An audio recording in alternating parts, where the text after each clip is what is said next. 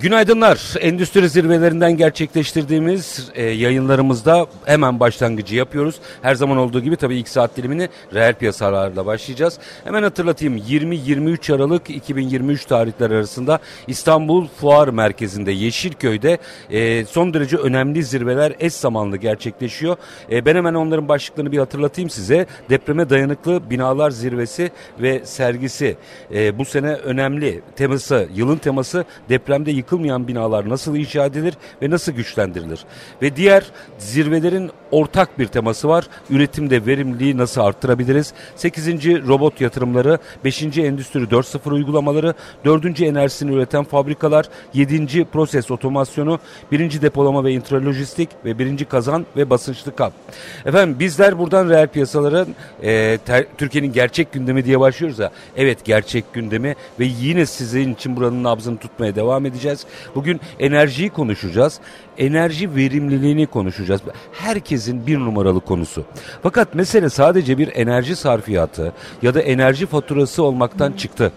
Bir milli mesele bir tarafta, Öbür tarafta baktığınızda hızla yaklaşan bir karbon, sınırda karbon vergisi yani bir rekabet edebilme meselesi, varlık ve yokluk meselesi genelde baktığınızda da aslında dünyanın iklim kriziyle birlikte yaşadığı büyük problemi e, bütün milletlerin ortaklaşa çözüm uğraşısı. Biz bütün bunları konuşacağız. Reel sektörümüzü nasıl dönüştürebiliriz?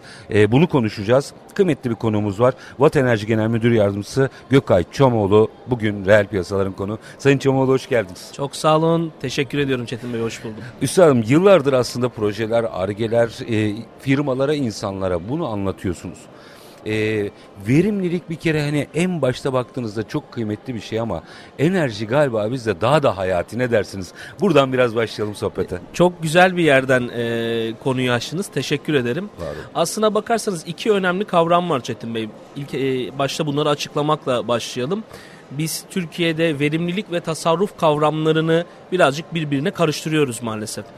Verimlilik kavramı ile tasarruf kavramının arasındaki en büyük e, temel faktör ve temel farklılık aslında kalite ya da konfor alanı.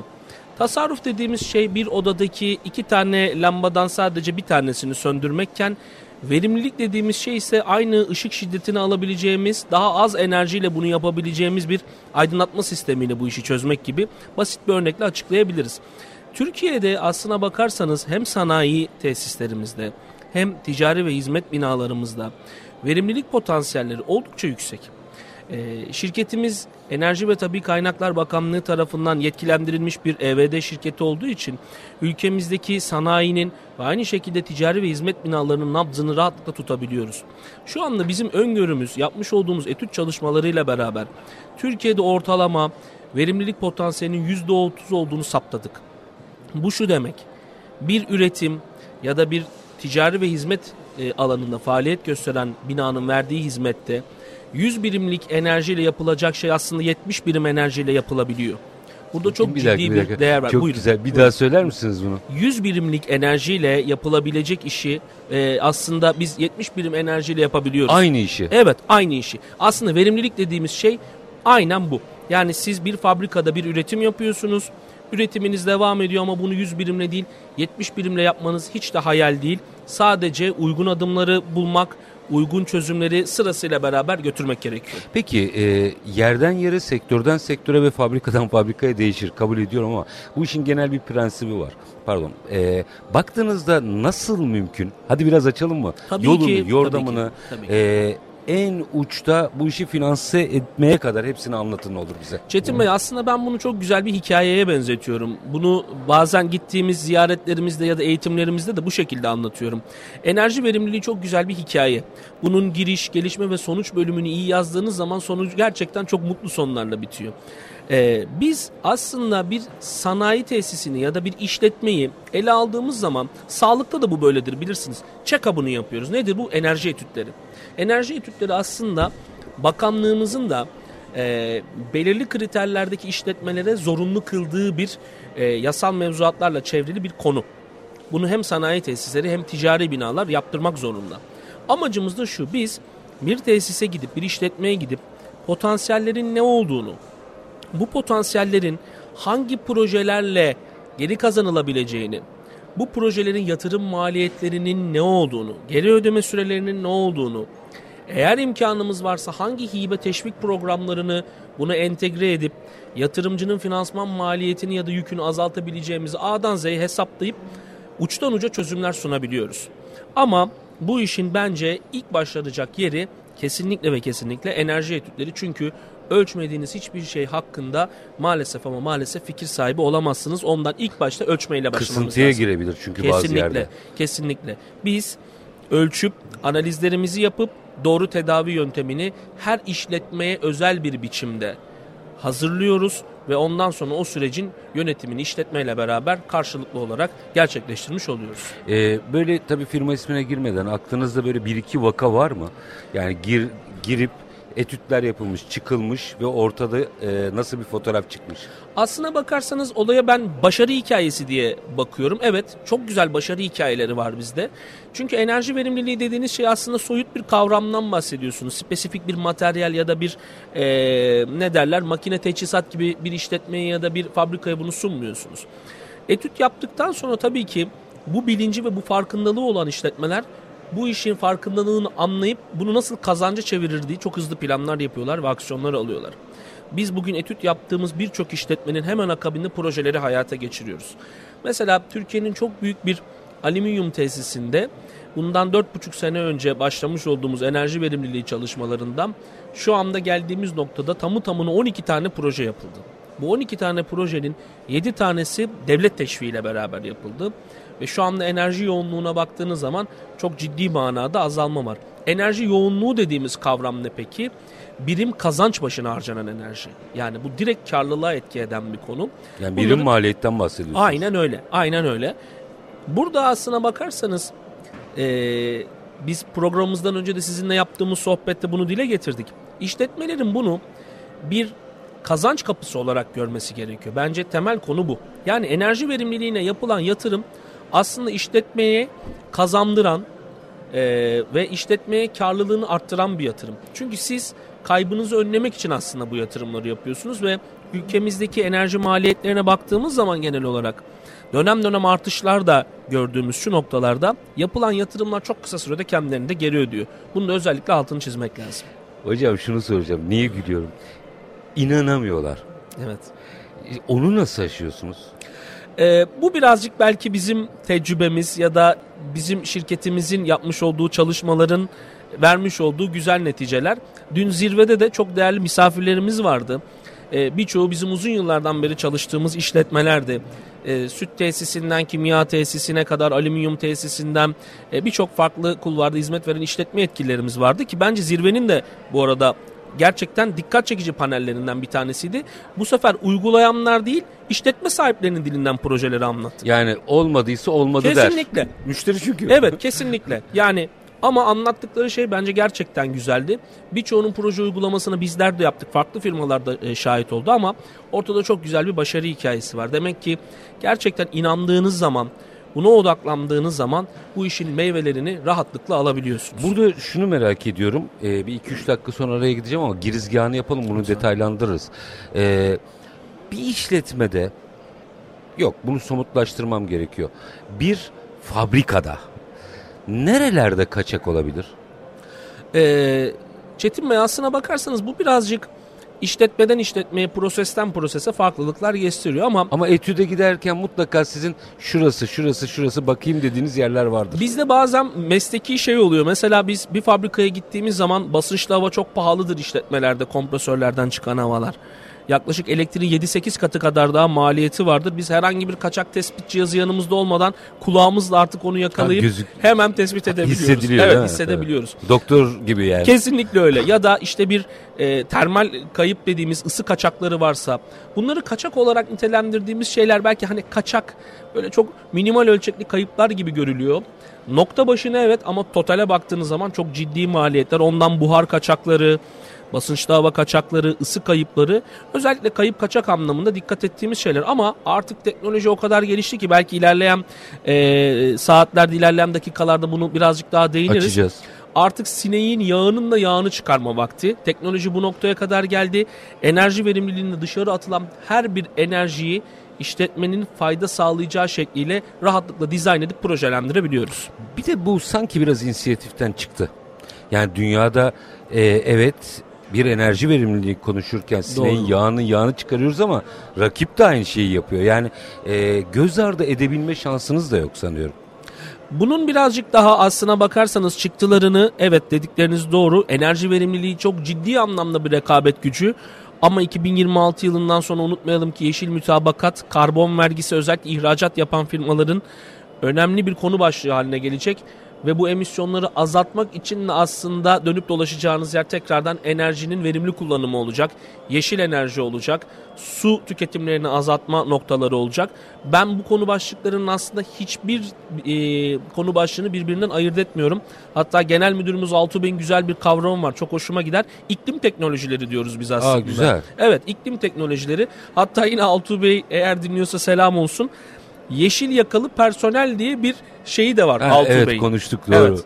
Şimdi artık biz iklimi, çevreyi, suyu ve enerjiyi birbirinden ayırt edemeyiz. Malumunuz İstanbul'da da yakın zamanlarda çok ciddi bir su sıkıntısı yaşadık. Ee, enerji maliyetleri sanayicilerde dönem dönem artıyor. Ee, su sıkıntısı, emisyonlar aldı. E, vergiler gelecek. Birçok konu başlığı var. Bence bunlara topyekun bakmak lazım. Sadece enerji verimliliği olarak değil su, enerji, iklim, çevre, karbon tamamında verimliliği sağlamamız gerekiyor. O zaman şöyle yapalım mı? Ee, bu işin ben şöyle tanımlamayı daha çok seviyorum. E, kronometre geri sayıyor, sayıyor. Yani daha vaktimiz var. Meselesi bizi rehavete itiyor. Çok doğru. Ama hayır vakit belli ve kronometre geriye doğru sayıyor. Çok doğru. E, bizi ne bekliyor ve nasıl ne, nerelerde hazırlık yapmamız gerekiyor? İşin bu boyutunu biraz açalım isterim. E, çünkü e, galiba buraya giden yolun anahtarı da verimlilikten geçiyor. E, birazcık daha detaylandıracağız. Efendim kısa bir ara aranın ardından Vat Enerji Genel Müdür Yardımcısıyla Kökay Çomoğlu'yla endüstri zirvelerinden canlı yayınımız devam edecek. Lütfen reel piyasalardan ayrılmayın.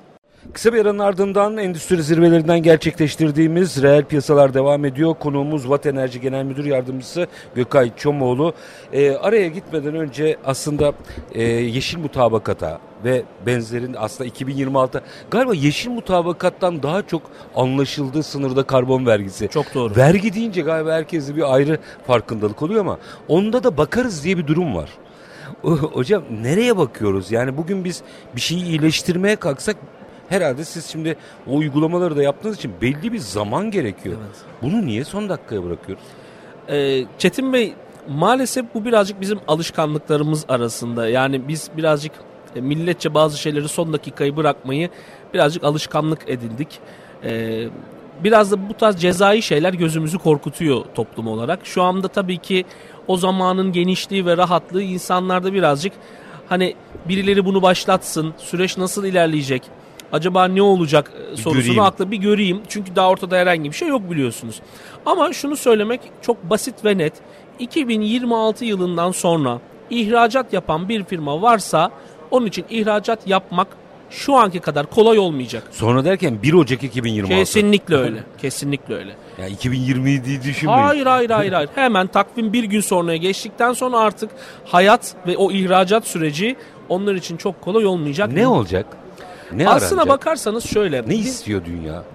Evet. Avrupa diyeyim de e, dünyada diyebilirim çünkü İngiltere Maliye Bakanlığı da e, açıkladı. 1 Ocak 2027'den itibaren onlar da sınırda karbona geçiyorlar. Aslına bakarsanız bunu ben Avrupa, Türkiye diye bakmıyorum. Bu bütün dünyanın sorunu. Evet biz Türkiye'de yaşayan Türk milletinin evlatlarıyız ama baktığınız zaman da dünyada yaşayan bir insanız. Öyle bakmak lazım. Pandemide bence bunu çok net gördük. Pandemide evlerde kaldığımız zaman da hava kirliliğinin ne kadar azaldığını çok iyi gördük. Aslında biz birazcık e, insanlar olarak e, doğaya bir şeyler yaptığımız zaman doğa buna reaksiyon gösteriyor. Yoksa herhangi bir problem yok. Çok fazla tüketiyoruz, çok fazla kirletiyoruz ve bir yerden sonra doğa bunun karşılığını bize veriyor. Buzulların erimesi, işte havanın sıcaklığının olma artması, artık neredeyse iki mevsimi görüyor olmamız hepsi bunları işaret. Sınırda karbon mekanizması ve yeşil mütabakat sürecine gelecek olursak da aslına bakarsanız olay çok basit. Avrupa ve Avrupa ülkelerine ihracat yapan firmalarımız birazcık daha farklı kriterlerle bunu yönetecekler ve bu sürece önden hazırlanan firmalar rakiplerine göre daha avantajlı olacak. Yani siz bir ürün üretiyorsunuz. Üretmiş olduğunuz ürünün sadece artık ham madde maliyetine ya da orada e, nakliye giderlerine bakmayacaksınız. O ürünü üretirken ne kadar yeşil enerji harcadınız, ne kadar su tükettiniz, enerjinizi ne kadar vergi e, pardon enerjinizi ne kadar verimli kullandınız ya da topyekün emisyonunuzu nasıl azalttınız bunların her biri sizin o pazardaki hacminizi etkileyecek konular. Ondan aslında bu olayın da ulusal ve uluslararası düzeydeki yetkinliğinin olduğunu biliyorsunuz. COP28 zirvesi yakın zamanlı oldu. Genel müdürümüz de katıldı Altuğ Bey zirveye. Artık dünya liderlerinin görüş bildirdiği bir konu oldu iklim Hatta zirvesi. Hatta genelde hızlanmadığımız için kızılıyor bile. Bence şu anda her şey yolunda gidiyor ama Hayır, e, dünya genelinde. Yani dünya genelinde ki, evet. Taahhütlerinizi yerine getirin. Siz söz verdiniz bütün dünya yöneticileri olarak. Yani mesele bu kadar e, konsantre bir biçimde takip ediliyor. Çok doğru, çok doğru. Burada da şunu unutmamak lazım tabii Çetin Bey. Buradaki hedefleri verirken de tamamıyla ve tamamıyla gerçekçi olmak lazım. Tabii, tabii. Bizim ülkemizdeki sanayi sürekli gelişen bir sanayi. Enerji maliyetlerinin değiştiği yerde ülkemizde bir kömür gerçeği var bunu göz ardı edemeyiz. Bu geçişi kademeli bir biçimde yapmamız lazım ama şu anda bizi gerçekten bu işin profesyonelleri olarak mutlu eden konu şu. Sanayicimiz bunun farkındalığını artık oluşturmuş ve bunun için aksiyon alıyor. Bu gerçekten çok kıymetli. Bugün biz herhangi bir işletmeye gittiğimizde herhangiden kastım kobi ölçekli bir işletmeden bahsederken diğer taraftan çok büyük bir sanayi tesisi bana güneş yatırımını soruyor. Karbon emisyonunu soruyor. IREX sertifikasını soruyor. Karbon nötrlemeyi soruyor. Verimliliği nasıl sağlarız diye soruyor. Demek ki artık bir kulak aşinalığı olmuş. Bir bilinçaltına işlenmiş bu konu. Tehlikenin farkındalık evet. var. Evet. Ama tabii ki burada da şunu şey yapmıyorum. Yani burada işletme tarafından empati yapıp olaya baktığım zaman bu yatırımları yapmak da aslında çok kolay değil. Burada çok ciddi bir finansman var ki bununla ilgili olarak yakın zamanda biliyorsunuz COSGAP'in çok iyi bir destek mekanizması e, çıktı. Bugün yeşil dönüşümle alakalı olarak kobi ölçekli firmalara güneş enerjisi sistemlerinde 14 milyon TL yüzde sıfır faiz ilk bir yıl geri ödemesiz kalan iki yıllık e, periyotta dörder aylık ödeme koşuluyla bir destek imkanı var. Aynı şekilde COBİ'lerimize enerji verimliliği teşviği de var, desteği var. Burada da 4 milyon TL'lik bir bütçe. Yine ilk bir yıl geri ödemesiz, %0 faiz. Kalan 2 aylık, 2 senelik dönemde pardon, 4'er aylık periyotlarda ödeme imkanı. Biz birazcık bunları araştırmamız lazım. TÜBİTAK'ın çok güzel destekleri var. Sanayi ve Teknoloji Bakanlığı'nın çok güzel destekleri var. Enerji Bakanlığımızın çok güzel teşvikleri var. Ben aslında gittiğim zaman şunu anlatıyorum. Evet yatırım yapmak gerçekten şu anki ekonomik konjonktürde oldukça zor ama gerekli mekanizmaları hayata geçirirsek bunu çok ciddi bir fırsata da dönüştürebiliriz. Çünkü gerçekten biz enerji verimliliği teşviklerindeki bilinç oranımız da maalesef ama maalesef çok düşük. Yo, çok fazla bilinmiyor. Orayı birazcık açar mısınız? Lütfen. Şimdi evet ekonomik zorlukların hepimiz farkındayız. Sadece bizde değil bütün dünyada da zorlu bir süreçteyiz. Ama benim anlayamadığım bir şey var şimdi. Şimdi bir tarafta öyle bir e, başlık var ki bu konuyla ilgili belki bir buçuk sene kadar daha zamanımız var. Hem yurt içinde hem de yurt dışında neredeyse yeter ki bu konuyla ilgili proje üret deyip sonsuz kaynar aktaran aktarmaya hazır olan bir fon mantığı var bütün dünyada. Yani ben bu yatırım yapmak için para harcamıyorum ki bu parayı bulmam gerekiyor. Ve bulunabiliyor. Doğru. Yani makroda baktığınızda işte Dünya Bankası son bir yıldır Türkiye'ye e, kaç dolar geldi diye bakın. Hepsi iklimle alakalı evet. konular. Başka bir yerden evet. gelmiyor para. Evet. Evet. Demek ki dünya buna hazır. E buraya geldi. E bakanlık da diyor ki yeter ki yap. Proje üret. Proje üret. O zaman burada bir harcama söz konusu değil ki. İlginç olan şu yatırım yaptıktan sonra da yatırım size para kazandırıyor. Şimdi bunu niye harekete geçmek için kullanmıyoruz? Çünkü iki sene sonra bunları konuşamayacağız. Ee, Bu fonlar olmayacak. Çok güzel tespitleriniz var. Tebrik ederim.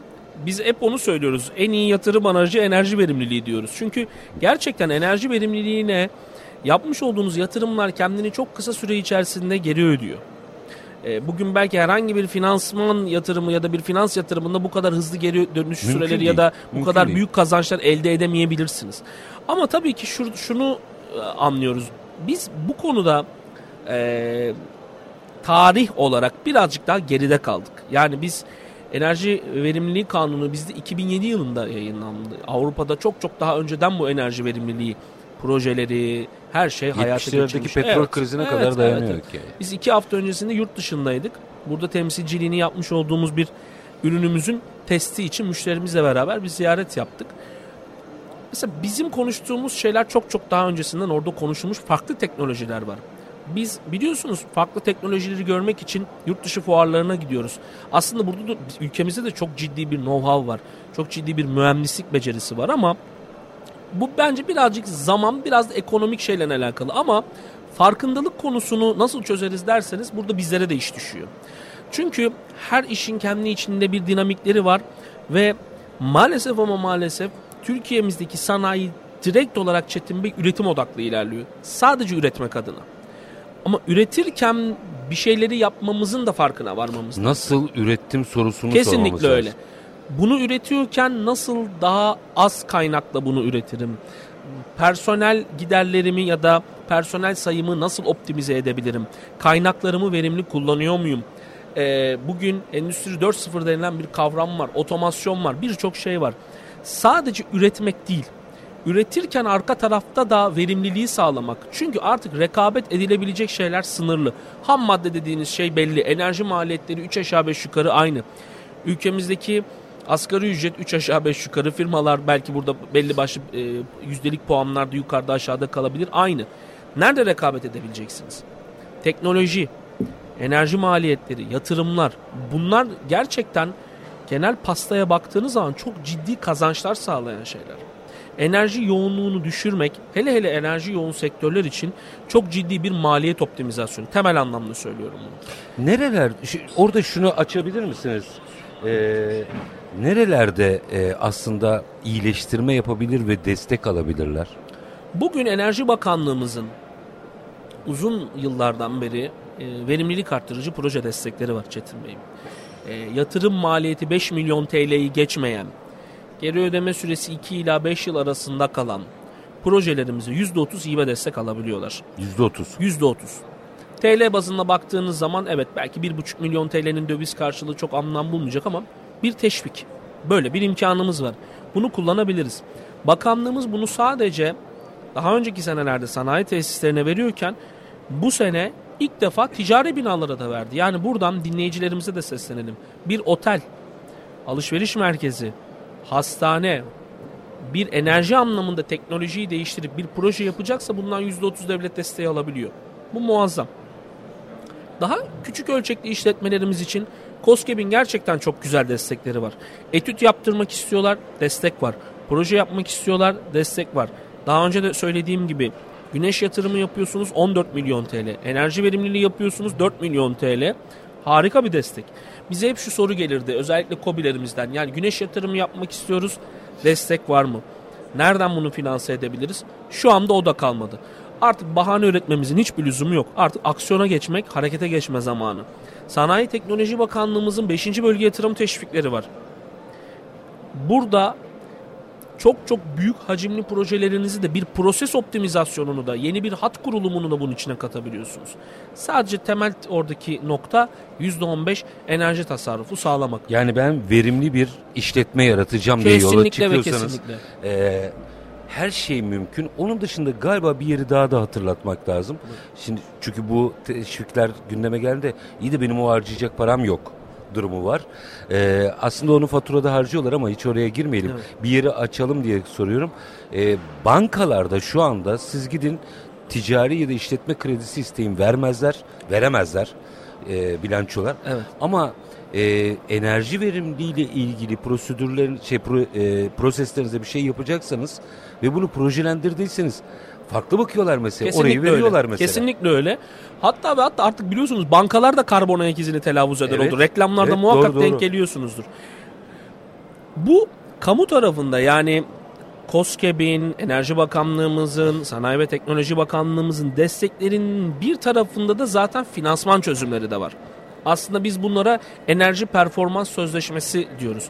Watt Enerji olarak bizim şu ana kadar yapmış olduğumuz 12 tane projemiz var. Yani ne demek bu? Projeyi biz yapıyoruz. Kurulumunu biz yapıyoruz. Müşterimizden herhangi bir bedel istemiyoruz. Kazancını şeffaf bir biçimde, bir ölçme doğrulama planında, kalibrasyonlu ekipmanlarla beraber izleyip kazancından pay alacak şekliyle modelliyoruz. Ortada bir risk var mı? Yok. Sistem kazanamadığı zaman işletme açısından bir problem var mı? Yok. Çünkü ödeme yapmayacak haliyle. Riski ben almışım. Riski tamamıyla ve tamamıyla bizim gibi şirketler üstleniyor. Böyle bir yatırım modeli de var. Bunun haricinde bahsettiğiniz gibi bankaların enerji verimlilik kredileri var.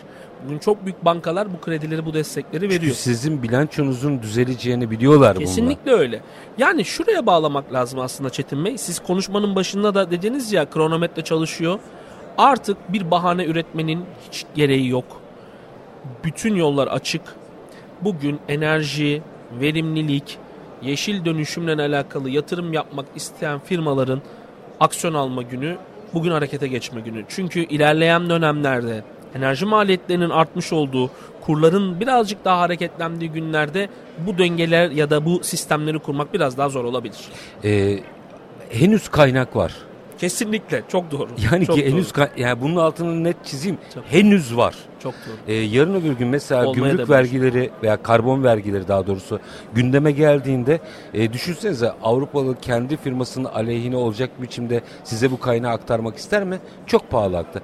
Ee, galiba bir duralım bekleyelim bakalım modundan çıkmamız gerekiyor ne dersiniz? Yüzde yüz katılıyorum. Ee, söyledik ya zaten bu bizim için bir gerçek. Yani bunu 2026 yılının işte ilk gününde ya da şu anda harekete geçmek arasındaki farkları bence anlattık. Şu anda bunu yapan o zaman kazanacak. Bugünün, yarının geleceği için yatırımı bugünden yapmak lazım. Bence doğru ifade bu olacak. Çünkü ilerleyen süreçte oradaki pazar aralığı ve orada rekabet etme tarafındaki makas epeyce bir vaziyette azalmış olacak. Şimdiden yatırım yapmak lazım. Bu kurumsal kimliği şimdiden oturtmak lazım. Ee, bunun için işin uzmanlarından, profesyonellerinden destek almak lazım. Evet kabul ediyorum. Bunun için bir takım yatırımlar yapmak gerekiyor. Elimizi cebimize atmak gerekiyor. Ama iki gün sonra bunun mislini kazanacağımız ya da kazanç gördüğümüz ve bunun kaçınılmaz olduğunu bildiğimiz bir yerde bence bugünden yatırım yapmak oldukça makul ve mantıklı. Minik bir araya gideceğim. Şimdi aslında bu e, sıfırdan bir yatırım yapıyorsanız söz konusu. E, ve bunun içinde hala kaynak olduğunu bir kez daha altını henüz kaynak olduğunu Kesinlikle. bir kez daha altını çizeyim de e, bu 2026 ve sonrasında çok farklı şeyler konuşuyor olabiliriz. Ama ve lakin e, sıfırdan yapmayacak mevcudu iyileştirmeyi konuşalım biraz. Çünkü onun hemen anında geri dönüşleri var. E, birazcık orayı açalım. Mimik bir araya gidelim. Tabii ki. E, bir kere genel anlamda yenilenebilir enerji vesaire yani bu sıfırdan yatırımları mutlaka gündeminize almalısınız. Ama hadi diyelim ki bekle gör yaptınız değil mi? Bekle gör yaptınız. Hala hazırdaki üretim tesislerinde iyileştirilebilecek ve enerji tasarrufu, karbon emisyonu azaltıcı e, hamleler yapabilecek alanlar var.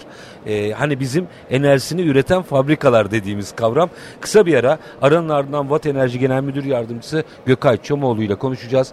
Lütfen bizden ayrılmayın. Kısa bir aranın ardından endüstri zirvelerinden gerçekleştirdiğimiz reel piyasalarda birlikteliğimiz devam ediyor. Watt Enerji Genel Müdür Yardımcısı Gökay Çomoğlu bizlerle birlikte. Şimdi Sayın Çomoğlu aslında bütün dönüşümü 2026 üzerinden e, okuduk ve aslında altını çizdiğiniz çok net bir şey var. Harekete geçersek para da var. Yani illa bir şey bulmanız gerekmiyor. Doğru. Ama ve lakin tamam hadi yine de ihtiyatlı davrandık diyelim. Ben bir işletme sahibiyim ve ihtiyatlı davrandım. Ya bir bakayım bu projeleri bir inceleyeyim dedim. Bunu da dememem gereken bir süreçteyiz ne olur. Çünkü açın mevcut bir yatırımım var. Bakın ekstra herhangi bir şey e, yatırmama gerek yok.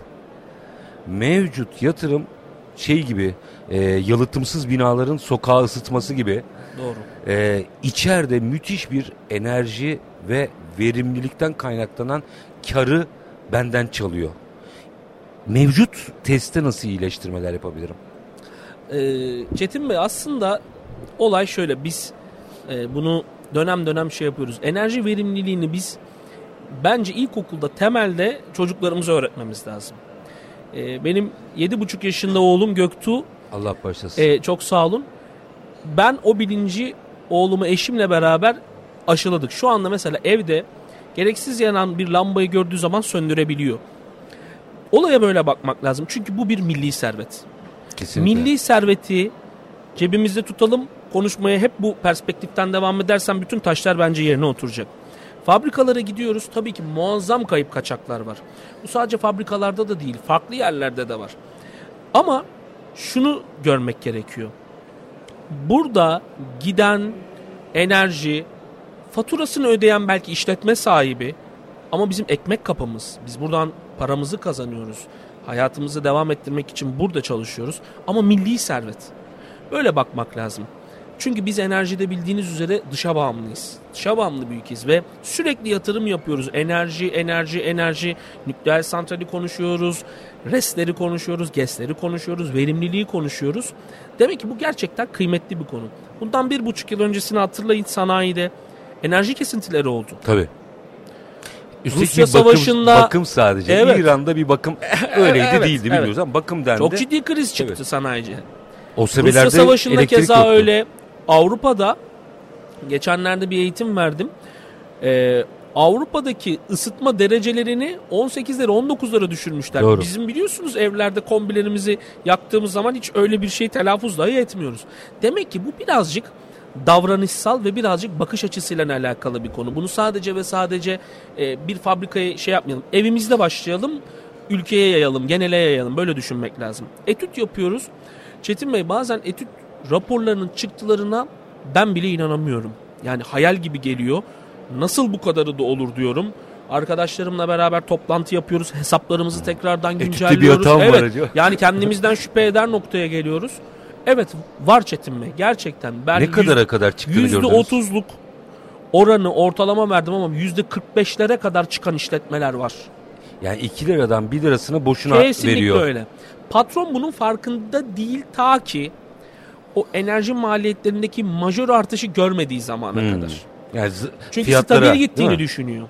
Ama ne zaman o enerji fiyatları iki katına çıktığı dönemi hatırlayın. İşte bir buçuk yıl önce doğalgazın metreküp fiyatı sanayide 20-21 liralardaydı. Evet. Şu anda 10 küsür liralarda 12-13 bandında.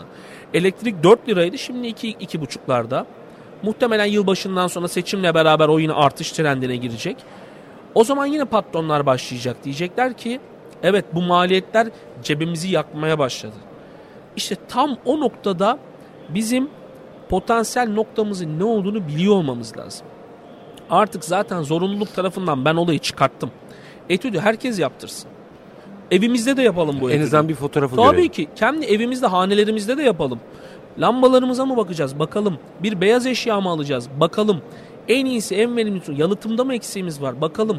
Bunları bireysel ya da çok böyle mikro ölçekli baktığınız zaman tabii ki elde edilecek tasarruflar ya da orada elde edilecek karlar çok böyle e, şeyler denizde toplu iğne ucu kadar Ama ama, genele yaydığınız olursa- zaman kesinlikle öyle. Kesinlikle öyle. Olaya öyle bakmak gerekiyor.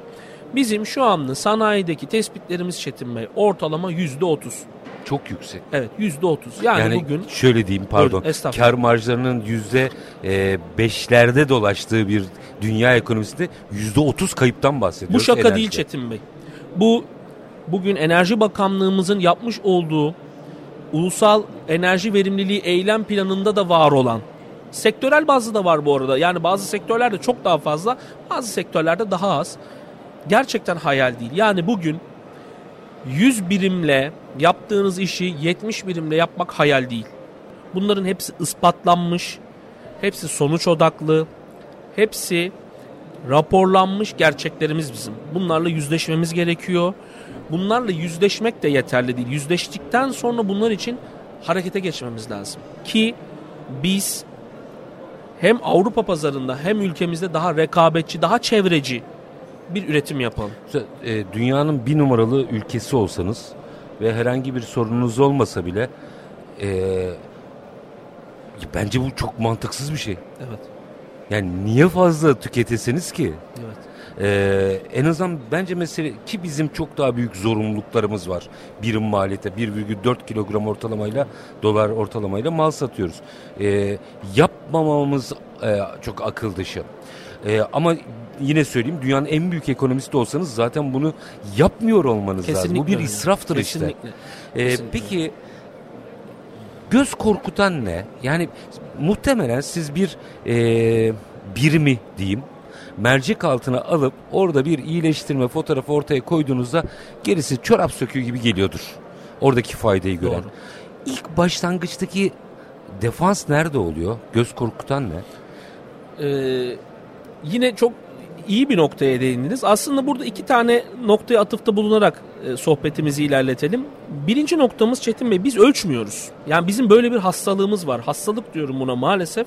Çünkü bugün mesela bir otomobil kullandığımız zaman otomobilin ekranında süratinizi, kalan yakıt miktarınızı, ondan sonra klimanın derecesine kadar her şeyi görebiliyorsunuz değil mi? O oturma alanından kumanda edebiliyorsunuz. Şimdi çok daha büyük bir yapıta gelin bir fabrikadan bahsediyorum. Fabrikada ürettiği buharı ölçmeyen fabrikalarımız var. Doğru. Onu geçtim. O buhar için ne kadar doğalgaz harcadığını bilmeyen işletmelerimiz var. Soğutma ünitele- ünitelerinin ne kadar elektrik harcadığını bilmeyenler var. Şimdi siz böyle karanlık bir yapıda tasarruf potansiyellerinin ne olduğunun farkındalığını oluşturamamanız çok normal. Çünkü ölçmüyorsunuz. Aslında ölçseniz yorum yapmanız çok kolay olacak.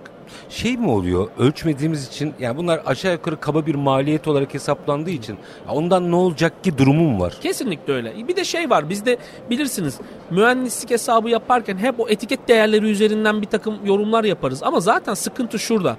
Sistem etiket değerinde gitmediği için verimsizlik var. Doğru. Yaşayın. Problem burada kaynaklanıyor. Ondan biz bazen etüt yapıyoruz. Raporlarımızı sunduğumuz zaman işletme yetkilileri inanamıyor. Nasıl olur diyor bu. Tekrar ölçüyoruz. Bizim artık buradan yine en azından sanayi tarafındaki teknik ya da e, işverenlerimize seslenelim. İşletmelerimizin dijital dönüşüm süreçlerini hızlandırmamız lazım. Bu çok önemli bir konu.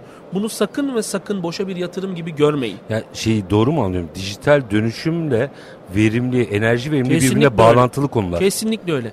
Bu ISO 21001 standartlarında da böyledir. Yani bugün ölçme, analiz ve bunun takibiyle beraber ortalama %15'lik bir tasarruf şeyini yakalayabiliyorsunuz o sadece izlemeyle. Ama biz bunu yaparken, biz bunu yaparken bir diğer taraftan da şunu gözden kaçırmamamız lazım. Hiçbir şeyi aslında zorunlu olduğu için yapmamalıyız. Yaşayın.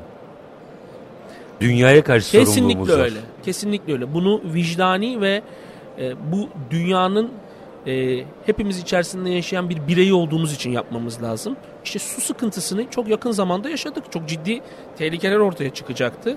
Çok şükür şimdi yağmurlar birazcık şey yaptı ama yağmurlarla baraj seviyemiz doldu diye aynı israfta gitmeyelim. Zaten aynı politikayla gidersek yine, Yine susuz olacak, kalacağız.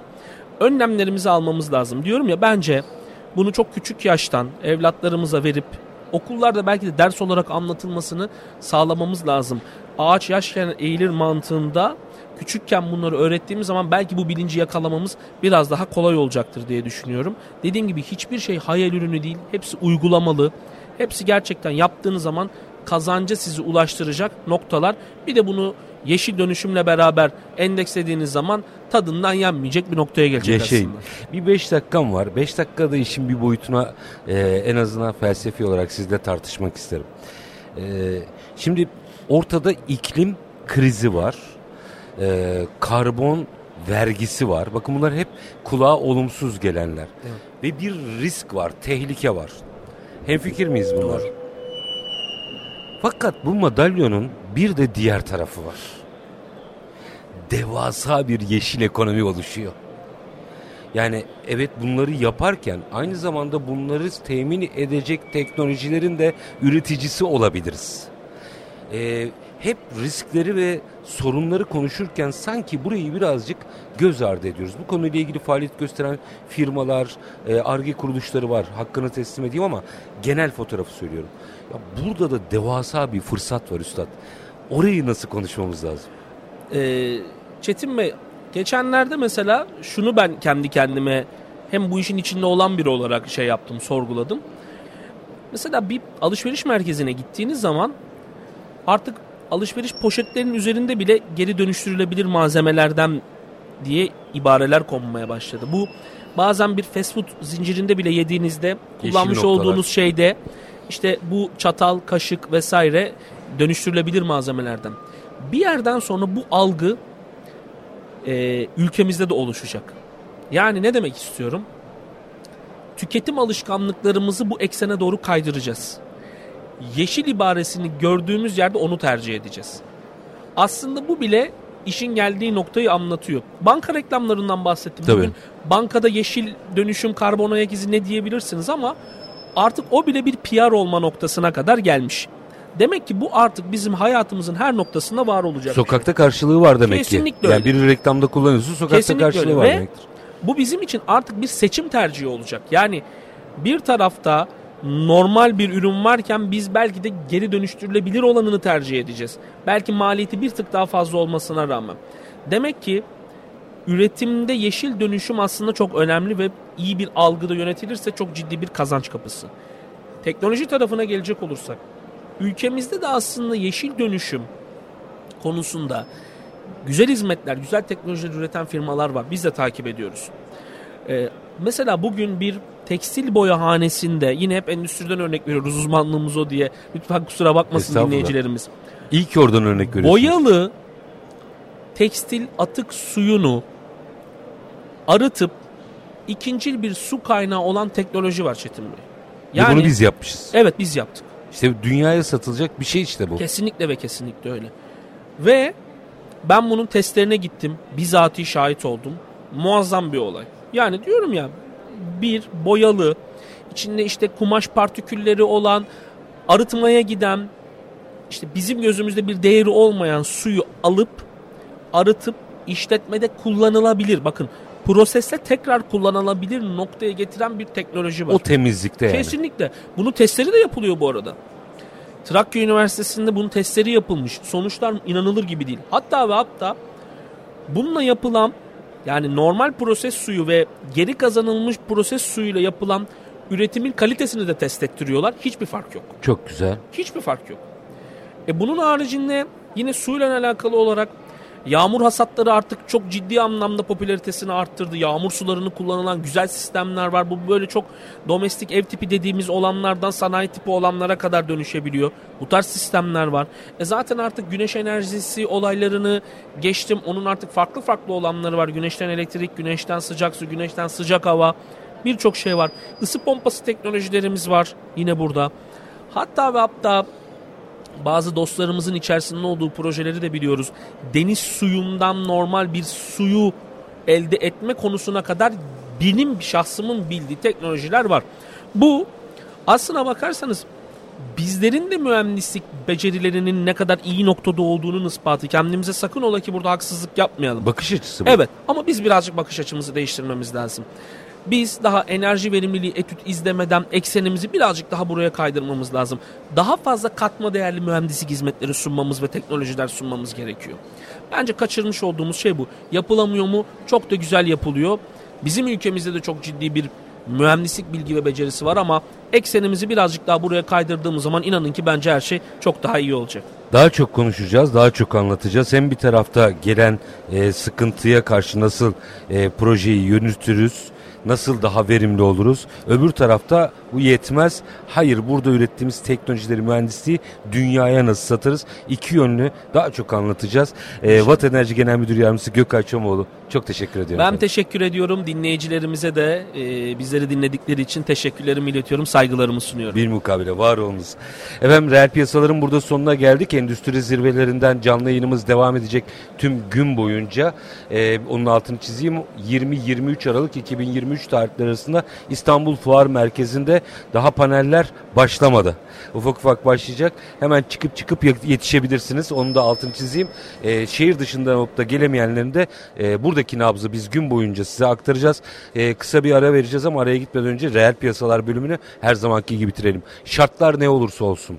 Paranızı ticarete, üretime yatırmaktan, işinizi layıkıyla yapmaktan ama en önemlisi vatandaş olup hakkınızı aramaktan vazgeçmeyin. Kısa bir ara yayınlarımız devam edecek. Lütfen bizden ayrılmayın.